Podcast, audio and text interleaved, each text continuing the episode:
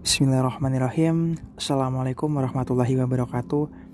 Alhamdulillah Pertama-tama marilah kita panjatkan rasa puja dan syukur kita Atas kehadirat Allah subhanahu wa ta'ala Yang karena rahmat serta hidayahnya Kita masih diberi kesempatan Untuk terus belajar mengenai agama Islam.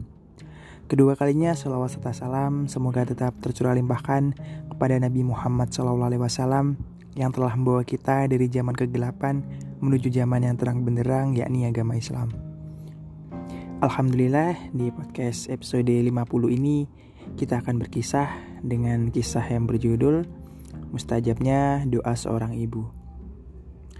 Diceritakan dari Abdurrahman bin Ahmad bahwa dia mendengar ayahnya berkisah. Ada seorang perempuan datang menemui Baki bin Makhlad untuk mengadukan persoalan anaknya yang ditawan oleh pasukan Romawi. Perempuan tersebut berkata, "Putraku ditawan oleh pasukan Romawi, sementara aku tidak punya harta selain rumah kecil, tapi aku tidak bisa menjualnya. Untuk itu, aku minta tolong engkau bersedia mencarikan orang yang bisa membantuku untuk menebus putraku itu." Hari-hari aku lalui dengan selalu diliputi kegelisahan dan kekhawatiran hingga aku tidak bisa tidur. Baki berkata, "Baiklah, silakan pulang.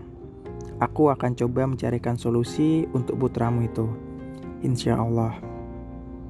Lantas, Baki menundukkan kepala sambil komat kamit. Setelah berlalu beberapa waktu, perempuan tersebut kembali datang bersama putranya. Dia berkata kepada Baki, Putraku telah kembali dengan selamat. Dia punya suatu cerita yang ingin dia sampaikan kepadamu. Anak laki-laki pun bercerita. Saya berada dalam tawanan salah satu raja Romawi bersama sejumlah tawanan yang lain. Raja Romawi yang menawan kami itu punya seorang bawahan yang setiap hari membawa kami ke gurun dan mempekerjakan kami dalam keadaan terborgol. Kemudian sore harinya dia membawa kami pulang. Begitu terus setiap hari. Hari itu, di saat kami berjalan pulang setelah maghrib, tiba-tiba borgol yang ada di kakiku terbuka dan jatuh ke tanah. Ternyata, waktu kejadian tersebut persis bertepatan dengan kedatangan ibuku menemui Anda. Lalu engkau berdoa. Prajurit yang bertugas mengawasiku lantas mendekatiku dan membentakku. Apakah engkau telah memecahkan borgol di kakimu? Tidak. Borgol itu terlepas dan terjatuh sendiri dari kakiku. Jawabku kepadanya. Mendengar jawaban seperti itu, dia pun terheran dan bingung. Lantas dia memanggil tukang besi dan kembali mengkaitkan borgol ke kakiku.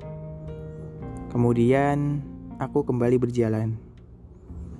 Baru beberapa langkah, tiba-tiba borgol itu kembali terlepas sendiri dari kakiku.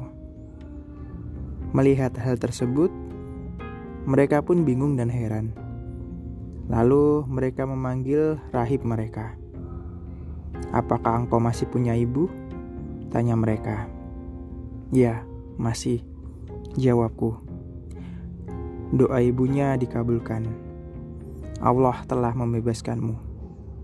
Oleh karena itu, kami tidak bisa memborgolmu, kata mereka.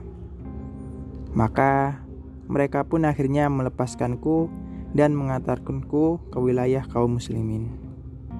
Wassalamualaikum warahmatullahi wabarakatuh.